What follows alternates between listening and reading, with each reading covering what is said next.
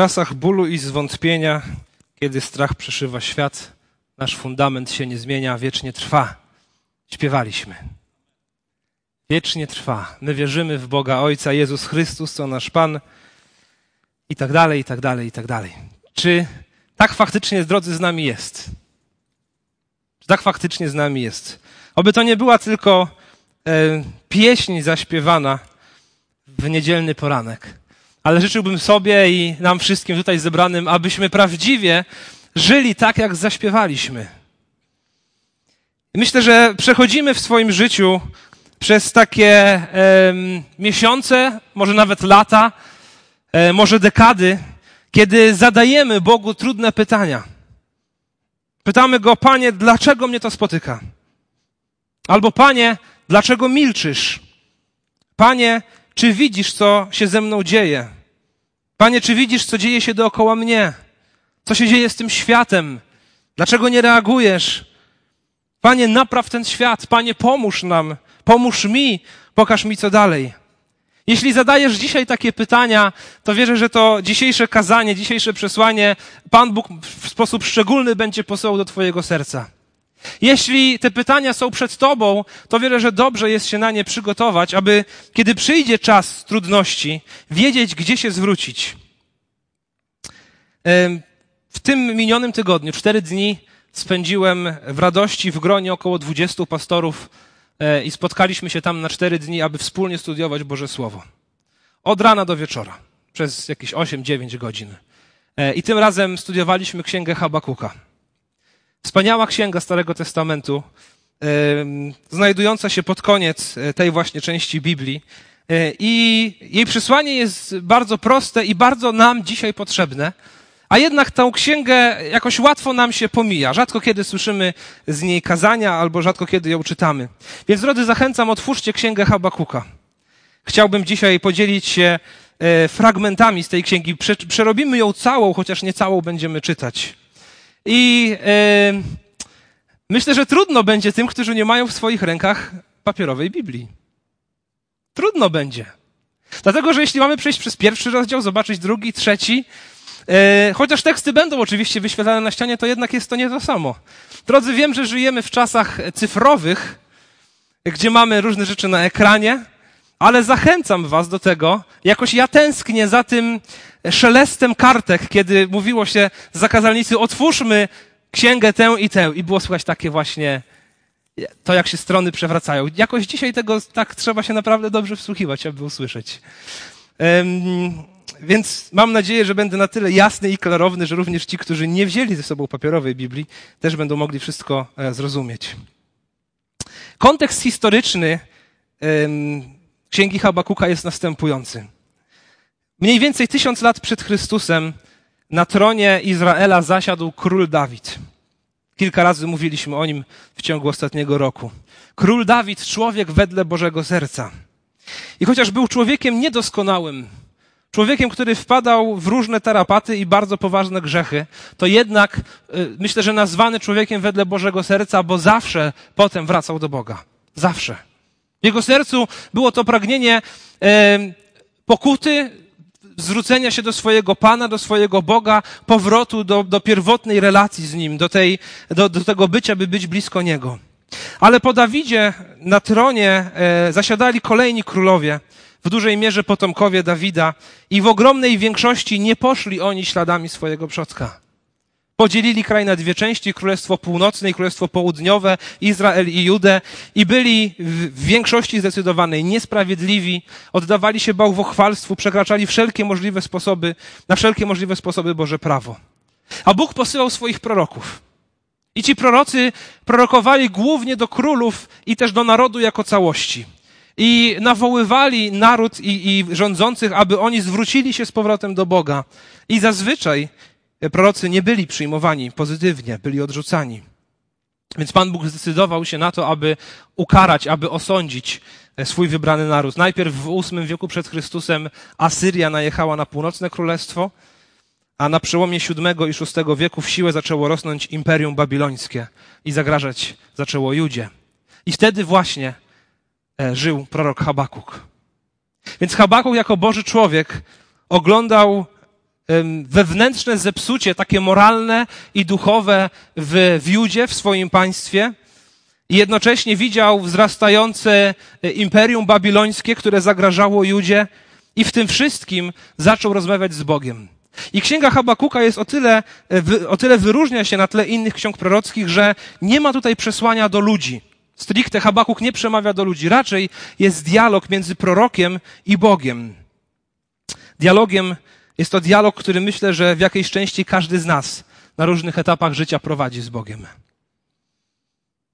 Zaczniemy od wersetu drugiego, rozdział pierwszy, wersety dwa do cztery. Więc w takich czasach właśnie zepsucia Judy, rosnącego imperium babilońskiego, wielkich trudności Habakuk, prorok Boży, zaczyna rozmawiać z Bogiem. Dokądże, Panie, będę wołał o pomoc, a Ty nie wysłuchasz? Jak długo będę krzyczał pomocy, a Ty nie wybawiasz? Dlaczego dopuszczasz, bym patrzył na złość i spoglądał na bezprawie? Ucisk i przemoc dzieją się na moich oczach, panuje spór i zwada.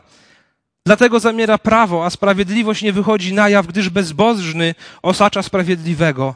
I tak prawo bywa łamane. Habakuk zadaje Bogu trudne pytania. To szczere i prawdziwe wołanie, to odważne wołanie z ust Habakuka, wołanie człowieka, który jest posłuszny Bogu i po prostu nie zgadza się z tym, co widzi dookoła siebie. Mówi, Panie, dlaczego dopuszczasz zło i bezprawie w swoim narodzie? Ucisk i przemoc dzieją się na moich oczach. Panuje spór i zwada. Drodzy, czy to nie są również nasze pytania od czasu do czasu? Może nie w kontekście narodu tylko, ale również w kontekście rodziny, w kontekście miejsca pracy. Panie Boże, dlaczego dopuszczasz zło i bezprawie? Ucisk i przemoc dzieją się na moich oczach, panuje spór i zwada. Może dodalibyśmy do tego pytania dotyczące tej naszej teraźniejszości, tej dzisiejszej. Dlaczego, Panie, ta pandemia tak długo trwa? Przecież modlimy się o jej ustanie. Dlaczego jej nie zatrzymasz? Nie słyszysz naszych modlitw, modlitw swoich dzieci na całym świecie? Dlaczego chorują i umierają ludzie, o których się modlimy? Czy nie słyszysz nas, Panie? Dlaczego słyszymy o prześladowaniach chrześcijan na całym świecie? Dlaczego szerzy się ateizacja młodego pokolenia? Dlaczego szerzy się moralna gangrena w młodym pokoleniu? Dlaczego patrzymy, jak ci, którzy reprezentują chrześcijaństwo, upadają nawet gorzej niż świat? Dlaczego, panie? Dlaczego nic z tym nie zrobisz? Myślę, że to są nasze pytania. To są na pewno moje pytania. Uczciwe, szczere, odważne, pragnące Bożego słusznego działania. I Bóg odpowiedział Habakukowi w wersecie piątym, pierwszym rozdziale. Bóg mówi, spójrzcie na narody i zobaczcie, patrzcie ze zdumieniem i trwogą, bo za waszych dni dokonuje dzieła, w które nie uwierzycie, gdy wam ktoś o nim będzie opowiadał. Bóg mówi, popatrz, Habakuku, popatrz mój ludu, za waszych dni dokonuje dzieła, w które nie uwierzycie, gdyby ktoś wam o nim opowiadał. Kiedy to czytam, brzmi to dla mnie tak bardzo ekscytująco. Brzmi to jak zapowiedź czegoś wspaniałego. Może, może Habakuk spodziewał się tego, że Pan mu powie, będzie przebudzenie. Wielkie przebudzenie, cały naród się nawróci. Za waszych dni dokonam dzieła, w które nie uwierzycie, gdy wam ktoś o nim będzie opowiadał. No to przyjdzie Boży ratunek. Przyjdzie Boże wybawienie. Czy rzeczywiście? Wersety 6 do 8. Bo to ja pobucę Chaldejczyków, czyli Babilończyków. Lud srogi i gwałtowny, który wyprawia się do odległych ziem, aby posiąść sadyby, które do niego nie należą. Jest to okrutny i straszny. Jest on okrutny i straszny. On sam ustala prawo przemocy. Jego konie są szybsze niż lamparty, dziksze niż wilki stepowy. Jego jeźdźcy pędzą cwałem z daleka, lecą jak orzeł rzucający się na żer. I tam dalej są kolejne opisy tego, jak złowieszczy i krwiożerczy jest Babilon. Więc okazuje się, że odpowiedzią na zło i na zepsucie w Judzie nie będzie przebudzenie duchowe, ale będzie najazd Chaldejczyków, imperium babilońskiego, brutalnego, krwiożerczego grabieżcy. Myślę, że nie takiej odpowiedzi spodziewał się Habakuk. Liczył na coś innego. Myślę, że miał nadzieję na coś zupełnie odwrotnego, pozytywnego, nie to, co usłyszał. Że odpowiedzią na zło Judy ma być jeszcze większe zło Babilonu. I myślę sobie, że często my też doświadczamy czegoś podobnego. Jesteśmy w jakiejś trudnej sytuacji, źle nam jest, modlimy się do Boga, I mamy poczucie, że będzie jakaś zmiana, że wydarzy się coś nowego. I mamy nadzieję na to, że przyjdzie coś, wydaje nam się pozytywnego, a tutaj jeszcze większa trudność. Jeszcze większa trudność. I co wtedy? Habakuk zatem odpowiada Bogu, mówiąc od wersetu 12: Lecz Ty, Panie, który jesteś, yy, który jesteś od wieków, Boże mój, święty mój, nie daj nam zginąć. Panie, powołałeś ich, aby dokonali sądu, skało, ustanowiłeś ich, aby wymierzyli karę. Twoje oczy są zbyt czyste, aby mogły patrzeć na zło. Nie możesz spoglądać na bezprawie. Dlaczego jednak przypatrujesz się przewrotnym? Milczysz, gdy bezbożny pożera sprawiedliwego. I dalej jest opisana w kolejnych wersetach ta, takie narzekanie Habakuka, który próbuje się jakby przed tym obronić i mówi, panie, zobaczcie, on się odwołuje do Bożych atrybutów, do Bożego charakteru. Panie, no nie możesz tego zrobić, bo jesteś zbyt święty, by patrzeć na zło. Przecież ty jesteś dobry, nie możesz patrzeć na niesprawiedliwość. Oczekujemy czegoś innego. Nie Babilonu, twojego wybawienia. A Pan Bóg daje do zrozumienia, że jest to nieodwołalne. Że tak ma się stać. I po tych kolejnych wyrzutach Habakuka zaczyna się rozdział drugi i werset pierwszy, gdzie Habakuk mówi: Muszę stanąć na mym posterunku, udać się na basztę, muszę wypatrywać i baczyć, co mi powie, co odpowie na moją skargę. Więc Habakuk jakby krytykuje Boga, prowadząc z nim dialog. Mówi, nie możesz tak zrobić. I mam wrażenie, że staje z założonymi ramionami i mówi, no powiedziałem dobrze. Muszę stanąć na baszcie i zobaczyć, co mi powie. Zobaczymy, Panie Boże, co odpowiesz na to, co Tobie teraz powiedziałem. I Pan Bóg odpowiada po raz drugi. I odpowiedział mi Pan, od werset, rozdział drugi, werset dwa i dalej. Odpowiedział mi Pan, mówiąc, zapisz to, co widziałeś i wyrej to na tablicach, aby to można szybko przeczytać. Gdyż widzenie dotyczy oznaczonego czasu i wypełni się niezawodnie. Jeżeli się odwleka, wyczekuj go, gdyż na pewno się spełni, nie opóźni się. Oto człowiek niesprawiedliwy nie zazna spokoju duszy, ale sprawiedliwy z wiary żyć będzie. Więc Bóg mu odpowiada na ten kolejny wyrok, mówi Habakuku, mam ci coś do powiedzenia i to jest też dla pożytku innych ludzi. Zapisz to, co chcę sobie powiedzieć wyryj to na tablicach i podkreśla, aby to można szybko przeczytać. Dlatego, że wydarzy się to w przyszłości i jeśli komuś się będzie wydawało, że czas się odwleka, to on się nie odwleka. Wyczekuj go. Właśnie wtedy szybko wróć, aby przeczytać to, co tobie powiedziałem. Szybko móc po to sięgnąć.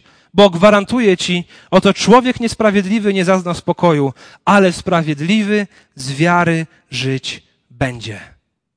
Ten werset pojawił się dzisiaj na początku nabożeństwa w Rzymian 1:17 i pojawia się w jeszcze dwóch innych miejscach Nowego Testamentu.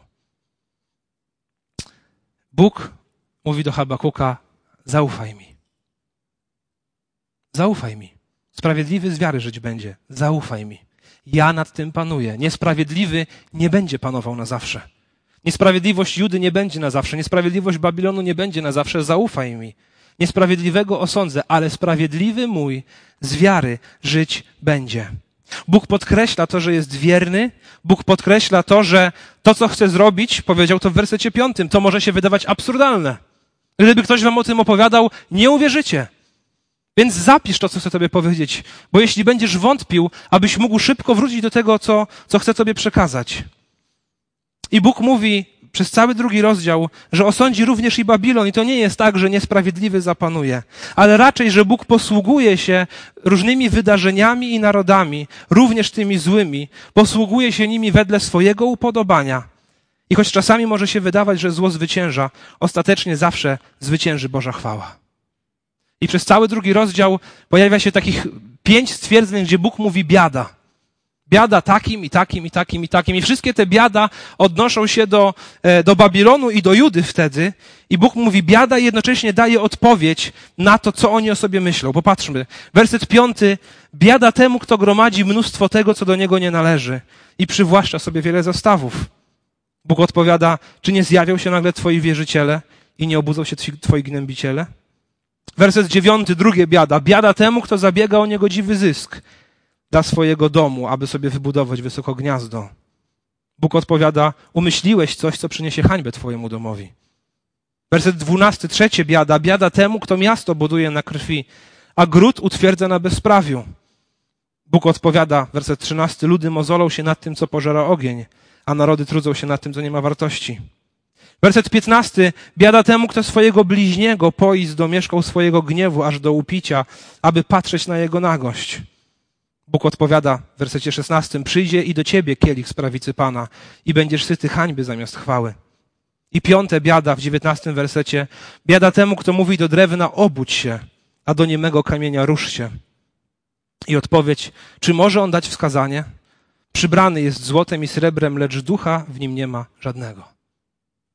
I Bóg wskazuje kilka grzechów, kilka zaniedbań Judy i Babilonu, za które właśnie ma zamiar je osądzić. Mówi o grabieży, czyli o zabieraniu tego, co nie swoje. Mówi o oszustwie i niegodziwym zysku. Mówi o agresji i nieprawości. Mówi o pijaństwie i niemoralności seksualnej. I na końcu mówi o bałwochwalstwie. Drodzy, czy to nie są grzechy naszego świata? Czy to nie są grzechy i naszej kultury? Pragnienie ciągłego obogacenia się po trupach do celu. Prawie każda wielka korporacja tutaj tak działa. Zdobywanie niegodziwego zysku przez oszustwa.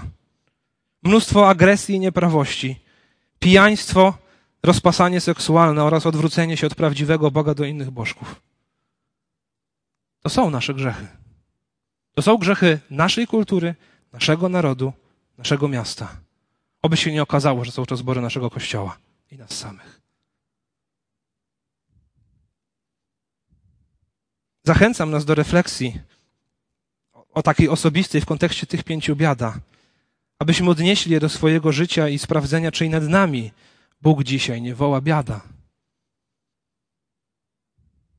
Ale pośród tego opisu nieprawości pojawiały się dwa ważne wersety w drugim rozdziale. Pośród ciemności tego opisu, tego zła, które tutaj się pojawia, pojawiają się dwa jakby promyki słoneczne, które rozświetlają całą tę ciemność. W wersecie, w wersecie 14, czy 13 i 14 jest pierwszy z tych, z tych promieni świetnych, gdzie Pan mówi, czyż nie pochodzi to od Pana zastępów, że ludy mozolą się nad tym, co pożera ogień, a narody trudzą się nad tym, co nie ma wartości? Lecz ziemia będzie pełna poznania chwały Pana jak morze wodami jest wypełnione. Narody trudzą się i mozolą nad różnymi rzeczami. I Bóg mówi, ale będzie taki czas, że ziemia będzie pełna poznania chwały Pana, jak morze wodami jest wypełnione. A cały ten drugi rozdział kończy się w wersecie 20, gdzie jest napisane, ale Pan jest w swym świętym przybytku, umilknij przed nim cała ziemia. Po serii pięciu biada, takich bardzo groźnych, pojawia się to wezwanie czy zapewnienie: Pan jest w swoim świętym przybytku. Pan jest w swojej świątyni. Pan jest wśród nas. Wtedy w Izraelu w świątyni. Dzisiaj powiedzielibyśmy, że jest pośród nas w swoim duchu. Pan jest wśród nas. Przeto umilknij przed nim cała ziemia. To nie jest wezwanie, w którym Bóg mówi, to umilknij, zamknij się. On mówi raczej wycisz się. Wycisz się. Habakuku, który wołasz, Habakuku przestraszony, Habakuku narzekający, wycisz się przed Panem. On jest w swojej świątyni. Kimkolwiek jesteś, mógłbym tutaj różne imiona wymieniać. Jeśli przechodzisz teraz przez taki czas w swoim życiu, gdzie wydaje się tobie, że, że Bóg o tobie zapomniał, że nie ma go przy tobie, że może zdrzemnął się, czy on nie widzi tego wszystkiego, co dzieje się z tobą, jest czas na to, żeby zadawać trudne pytania. Jest ale jest też czas na to, aby umilknąć przed Panem, bo On jest wśród nas. I rozdział trzeci, ostatni, to w całości modlitwa Habakuka, który zrozumiał, co Bóg do niego mówi. I zobaczył Boga, który niczym potężny wojownik przechodzi po ziemi, by rozprawić się z niegodziwością i wyratować swój lud. Ma tam taką wizję Boga jako potężnego wojownika. I cała księga kończy się następującymi słowy, wersety od 17 do 19. Zobaczcie, jak zmienił się Habakuk. Posłuchajcie tych słów. Zaiste drzewo figowe nie wydaje owocu, a na winoroślach nie ma gron. Zawodzi drzewo oliwne, a rola nie dostarcza pożywienia. W ogrodzeniu nie ma owiec, w oborach nie ma bydła, lecz ja będę radował się w Panu, weselił się w Bogu mojego zbawienia. Wszechmogący Pan jest moją mocą, sprawia, że moje nogi są chyże jak nogi łań i pozwala mi kroczyć po wyżynach. Przewodnikowi chóru przy wtórze instrumentów strunowych. Habakuk na przestrzeni tych trzech rozdziałów przechodzi ogromną przemianę. I cała księga kończy się jego słowami, kiedy on mówi: Będę radował się w Panu i będę weselił się w Bogu mojego zbawienia. Dlaczego? Dlaczego, Habakuku, będziesz się radował? Wszystko skończyło się happy endem? Nie. Habakuk nie doświadczył pięknego zakończenia. Prawdopodobnie sam umarł na wygnaniu w Babilonie, albo też zginął w czasie oblężenia Jerozolimy przez Babilończyków. Na przestrzeni tej księgi sytuacja zewnętrzna Habakuka w ogóle się nie zmienia. On nie doświadczył słodkiego, szczęśliwego zakończenia niczym w filmach Disneya. On raczej to, co się zmieniło, to nie zewnętrzne, ale to, co wewnętrzne. I on mówi, chociaż cały świat się wali, to ja będę radował się i weselił w Panu mojego zbawienia. I ktoś patrząc z zewnątrz mógłby powiedzieć, zwariował chłop. Za dużo miał na głowie, za dużo stresu, zmysły mu się pomieszały, bo to jest niemożliwe. Niemożliwe jest, żeby, żeby pośród beznadziei, patrząc z zewnątrz, zachowywać spokój, radość i wesele. Ale on nie zwariował. On przeszedł wewnętrzną przemianę. On doświadczył czegoś, czego ten świat nie zna. Że oto w miejscu beznadziei człowiek może powiedzieć, chociaż drzewo figowe nie wydaje owocu. Na winoroślach nie ma gron. Rola nie daje pożywienia. W zagrodzie nie ma owiec. W oborach nie ma bydła. Chociaż wszystko wydaje się być w beznadziejnym położeniu i jest w beznadziejnym położeniu, to ja będę się radował i weselił. Nie dlatego, że jestem optymistą, ale dlatego, że wiem, że Pan nad tym panuje. I Pan jest moją mocą. I przed Nim chcę się raczej uciszyć i być w Jego obecności, świadom tego, że On jest pośród nas i wie, co robi. Drodzy, zobaczcie, jak niesamowita jest przemiana Habakuka. Księga zaczyna się od jego narzekania. Od narzekania i odważnych pytań, od lamentowania i zarzucania Bogu, że chyba coś umyka mu z tego, co dzieje się dookoła. A kończy się ta księga radością i weselem, że chociaż te zewnętrzne okoliczności wcale się nie zmieniły, całkowicie zmieniło się wnętrze Habakuka. Więc, drogi przyjacielu, drogi bracie, droga siostro, pośród tej choroby, w której jesteś, może pośród Twoich trudności małżeńskich, może w trudnej sytuacji ekonomicznej, może w trudnych relacjach, których doświadczasz, tym wszystkim, co dzieje się dookoła Ciebie. Wierzę, że możesz, tak jak i Habakuk, doświadczyć tej niezwykłej przemiany. I powiedzieć, choćby moje zdrowie mi nigdy nie wróciło, choćby moje relacje nigdy już nie były takie same, choćbym nie miał żadnej gotówki w portfelu i na koncie, choćby pandemia miała nigdy się nie skończyć, będę radował się w Panu i weselił się w Bogu mojego zbawienia. Wszechmocny Pan jest moją mocą, sprawia, że moje nogi są chyże jak nogi łań i pozwala mi kroczyć po wyżynach. W jaki sposób doświadczyć tej przemiany? W jaki sposób doświadczyć tego, co stało się udziałem Habakuka? Patrząc na, całą, na, na przesłanie całej tej księgi, są dwa czynniki, które wpłynęły na tą przemianę. Po pierwsze, Habakuk wysłuchał tego, co mówi Bóg. Zawsze się zaczyna od Bożego Słowa, od tego, co mówi Bóg, nie od tego, co nam się wydaje, nie od tego, co my widzimy, nie od tego, co my mówimy. Wszystko zaczyna się od tego, co mówi Bóg. Bóg zmienił go, bo przemówił do niego. I poprzez zrozumienie Bożego przesłania Habakuk przestał zajmować się tym, co widzi teraz, a zaczął przejmować się tym, co zobaczył oczami wiary. I mało tego, Bóg kazał spisać mu i wyryć na tablicach to przesłanie, aby każdy mógł szybko po nie sięgnąć i sobie przypomnieć, co Bóg zapowiedział. Drodzy, oto trzymamy w rękach dokładnie to przesłanie, które Habakuk usłyszał i które zapisał. My mamy to przesłanie, bo on był posłuszny Bogu i zapisał i wyrył to na tablicach, aby można było szybko do tego sięgnąć. Mało tego, oprócz przesłania, które Bóg dał Habakukowi, mamy jeszcze 65 innych ksiąg zebranych w tej czarnej okładce. Przesłanie Bożego Słowa, wypowiedzianego wiele lat temu, które nigdy nie traci na znaczeniu, Każda księga Bożego autorstwa spisana przez człowieka i każda mówiąca prawdę i pokazująca nam, jaki on jest i czego on pragnie. Chcesz mniej narzekać i mniej się bać? Wyłącz komputer, wyłącz telewizor, odłóż gazetę, odłóż telefon i sięgnij po wyryte i zapisane Boże Słowo. Będziesz mniej się bać, gwarantuję ci. Ono zostało spisane po to, abyśmy poznali Boży plan ratunku. Ono zostało spisane po to, abyśmy poznali Boży plan zbawienia, Boży plan dla tego świata. Niezależnie od tego, czy jest pandemia, czy nie ma pandemii, czy chorujemy, czy jesteśmy zdrowi, czy mamy czasy ubóstwa, czy czasy bogactwa. Ten plan się nie zmienia. I został zapisany po to, abyśmy mogli szybko do niego sięgnąć, kiedy dziwi nas to, co dzieje się dookoła nas. Drodzy, pomyślcie, jak inaczej wyglądałoby nasze wnętrze, jak inaczej wyglądałyby nasze emocje, które nam towarzyszą, gdybyśmy naprawdę przygnęli do tego przesłania. Gdybyśmy to nim prawdziwie się karmili i żyli, tak bardzo, jak karmimy się i żywimy, żywi, żywimy różnymi innymi wiadomościami i przesłaniami, które atakują nas codziennie z każdej strony, chcąc w nas wzbudzić właśnie ten strach i lękliwość. Gdybyśmy prawdziwie przyjęli to, co tu jest napisane, ta księga od wieków zmienia ludzkie życie. Od wieków. Niezależnie od kultury przemienia ludzkie życie. Jeśli nigdy jej nie czytałeś, to złapią. Weź ją w swoje ręce i przeczytaj. Od początku i do, do końca. Jeśli raz ją przeczytałeś, przeczytaj ją drugi raz. Jeśli trzydzieści razy ją przeczytałeś, przeczytaj ją trzydziesty pierwszy raz. Wciąż i wciąż na nowo.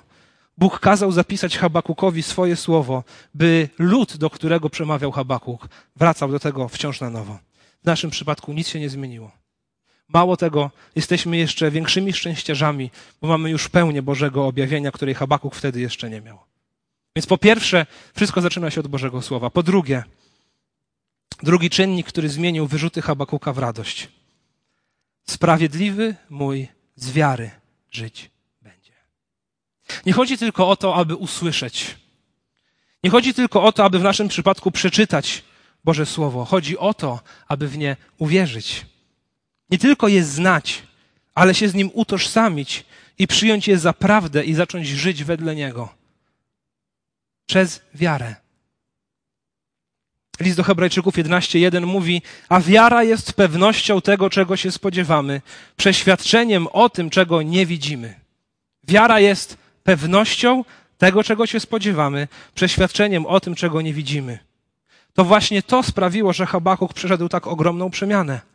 On usłyszał Boże Słowo i przyjął Boże Słowo, przyjął zapewnik Boże Słowo, choć nie widział jego realizacji. Swymi oczami widział zniszczenie i zagładę, swoimi oczami wiary widział zwyciężającego nad wszystkim, panującego i kochającego swój lud Boga. I modlitwa Habakuka kończy się słowami przewodnikowi chóru przy wtórze instrumentów strunowych. Więc to nie jest tylko jego modlitwa, ale to ma być pieśń, którą śpiewa Boży lud. Dzisiaj może napisałby y, Michałowi Trusiewiczowi przy wtórze instrumentów klawiszowych. Żeby śpiewał cały lud. Żeby śpiewał cały lud. To nie jest tylko jego doświadczenie. Wierzę, że to może być również nasze doświadczenie.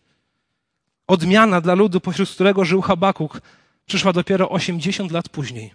Taka pierwsza odmiana, kiedy oni mogli zacząć wracać z niewoli babilońskiej. Około 80 lat po spisaniu tej księgi przyszła pierwsza odmiana. Więc Habakuk jej nie doczekał. A mimo to myślę, że uchwycił się tego, że ona przyjdzie i przyszła. Bóg ma swój czas działania. Ten czas płynie inaczej, niż byśmy tego chcieli. Zazwyczaj płynie wolniej, niż byśmy tego chcieli.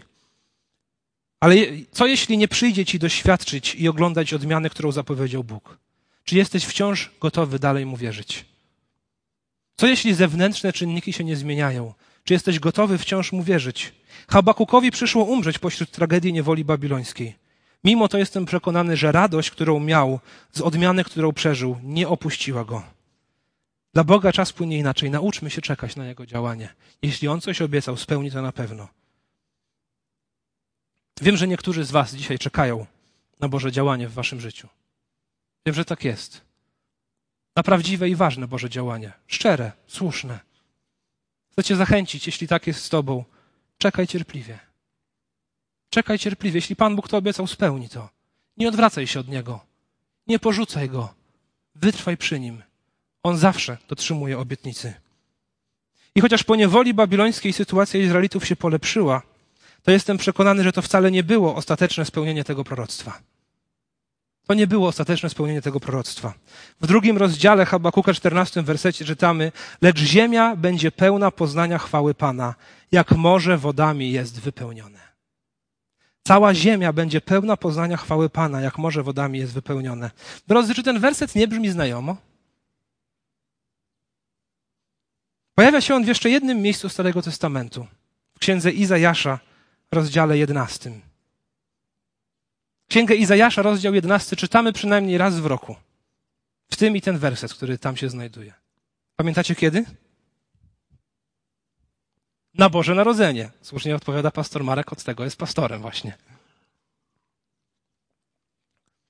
Werset dziewiąty w jedenastym rozdziale Izajasza mówi Nie będą krzywdzić ani szkodzić na całej mojej świętej górze, bo ziemia będzie pełna poznania Pana, jakby wód, które wypełniają morze. To jest ten sam werset. Nieco inaczej zapisany, to samo przesłanie. Przeczytajmy zatem fragment z tego jednastego rozdziału Izajasza od pierwszego wersetu. To kiedy spełnić się ma to proroctwo o tym, że ziemia będzie pełna poznania Pana? Izajasza 11 od 1. I wyrośnie różdżka z pnia Isajego, a pęd z jego korzeni wyda owoc. I spocznie na nim duch Pana, duch mądrości i rozumu, duch rady i mocy, duch poznania i bojaźni Pana.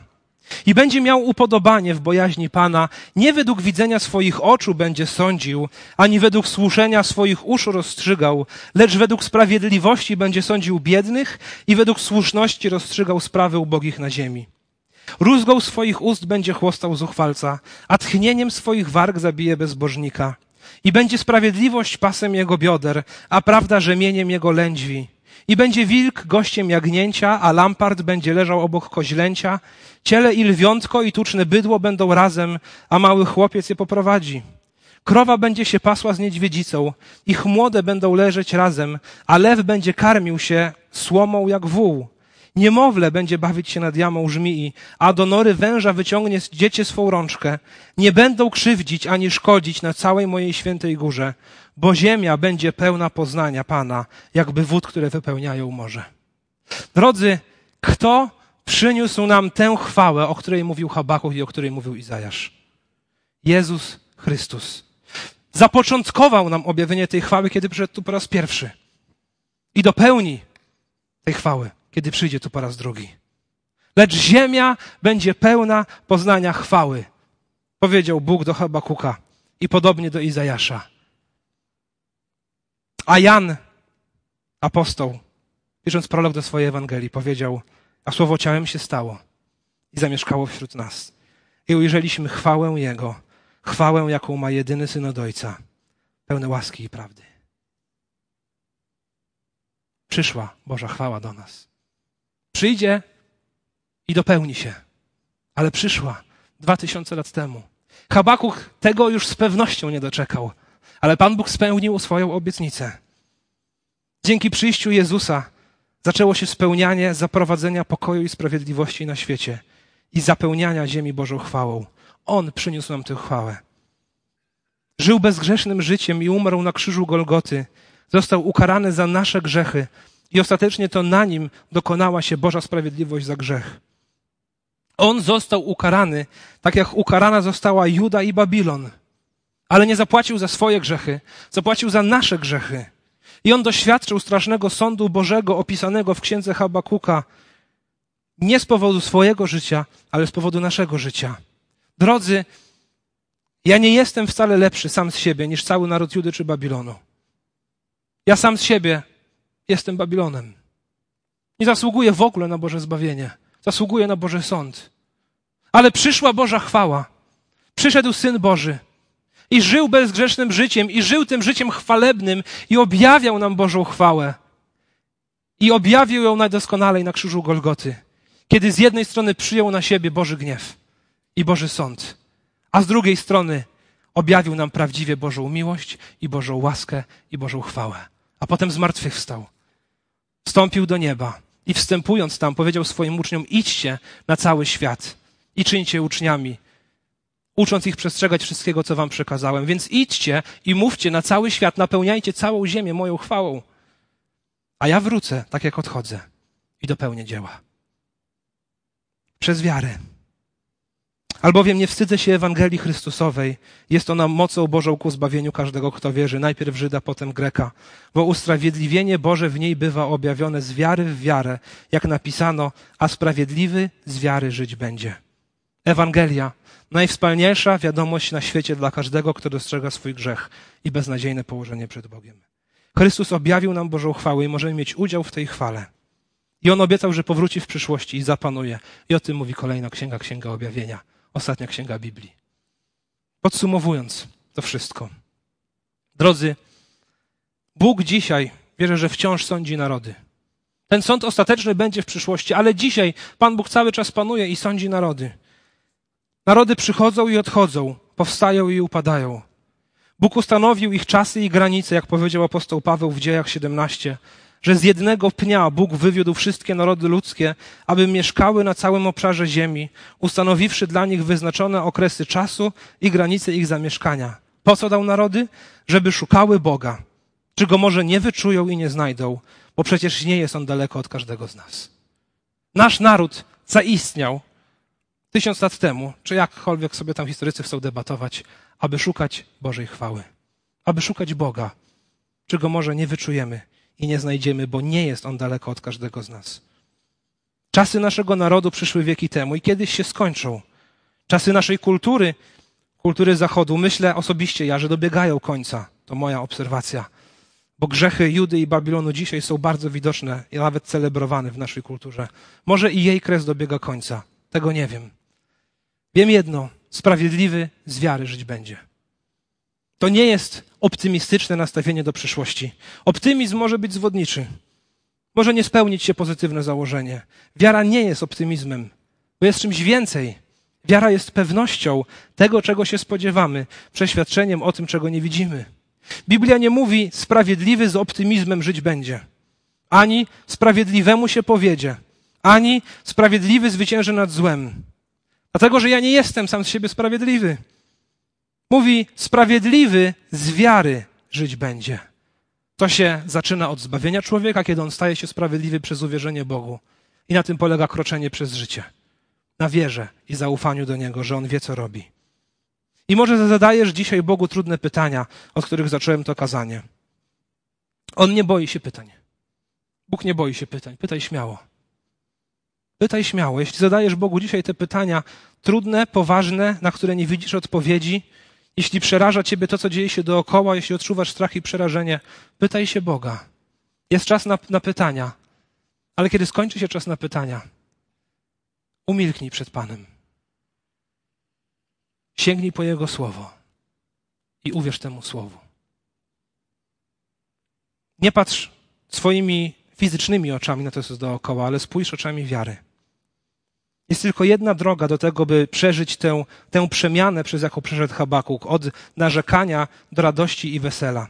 Chociaż zewnętrzne czynniki się nie zmieniają, wewnętrzne mogą się zmienić całkowicie. Po pierwsze, uchwyć się Bożego Słowa, spisanego tak, jak Bóg nakazał Habakukowi. Możemy po nie sięgnąć szybko. Szybko możemy po nie sięgnąć. Za każdym razem, kiedy przychodzi coś trudnego. Karmmy się tym Słowem w dzień i w noc, w ogromnych ilościach. Ceńmy to słowo i kochajmy to słowo, bo nie zawsze tak było w naszym narodzie i pewnie nie zawsze będzie, że jest ono tak blisko nas.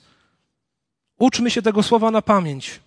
Umieszczajmy to słowo i różne jego fragmenty w różnych miejscach naszego domu, w różnych miejscach naszej pracy, naszego odpoczynku, abyśmy zawsze mogli szybko do niego wrócić. I po drugie, wierzmy temu słowu. Przyjmijmy je za pewnik. Brak ci tej pewności, módl się do tego, o to, aby Pan Bóg otwierdzał to w Twoim sercu. Powtarzaj sobie to słowo wciąż i wciąż na nowo, aż stanie się ono dla Ciebie taką oczywistością, jaką jest Twoje imię i nazwisko. Bóg odmieni ten świat. Może nie za Twojego życia, może za Twojego życia będzie jeszcze gorzej, może nie zobaczysz zmiany w swoich dzieciach, o którą się modlisz, albo w swoich bliskich, albo w kościele, ale Bóg działa. Bóg działa. Jesteśmy tu tylko na chwilę. Bóg przesuwa narody, przywołuje je do życia i, i rozwiązuje ich życie. Świat się nie kręci wokół nas. My tu jesteśmy na chwilę. Bóg realizuje swój plan. I my możemy włączyć się do tego planu przez wiarę. Albo możemy chcieć stawać okoniem i mówić mu, że ten plan się nam nie podoba. Więc cierpliwości.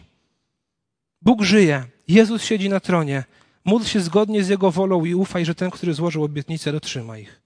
Cierpliwości. Nie chcę dawać nam banalnych porad w stylu więcej optymizmu, na pewno się wszystko ułoży, bo nie wiem, czy się ułoży. Chcę nam powiedzieć, uchwyćmy się Bożego Słowa, uchwyćmy się przez wiarę. Boża chwała objawiła się wraz z przyjściem Jezusa. To On jest naszym ratunkiem. To On zabiera nas z miejsca Bożego gniewu i sądu do miejsca Bożej łaski i miłości. Zaufaj Mu jeszcze dziś, jeśli nigdy tego nie zrobiłeś. Zaufaj Mu jeszcze dziś, jeśli jesteś, jeśli jesteś świadom swojego grzechu i pójdź za Nim, a Jego zwycięstwo stanie się również i Twoim udziałem. A gdy On powróci i zapanuje już w pełni, my będziemy razem z Nim. Uwierzmy Mu, ufajmy i żyjmy w tym świecie, który nie zna radości i wesela. My żyjmy w radości i weselu. Choćby wszystko inne wyglądało inaczej i źle, choćbyśmy coś takiego przechodzili w naszym życiu, ostatecznie niech zagości tam radość i wesele. Nie odwracaj się od Boga. Nie poddawaj się kłamstwom diabelskim. On o tobie nie zapomniał. On nie chce dla ciebie źle.